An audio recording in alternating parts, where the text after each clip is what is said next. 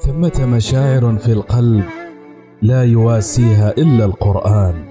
مهما حاولت أن تواسي نفسك وأن تمسح على قلبك المكلوم فلن تجد أبلغ من كلام الله لترميم هشاشة القلب وإعادة ضبط بوصلة الطريق وترتيب المشاعر والأفكار. لا مواساة كمواساة القرآن أبداً.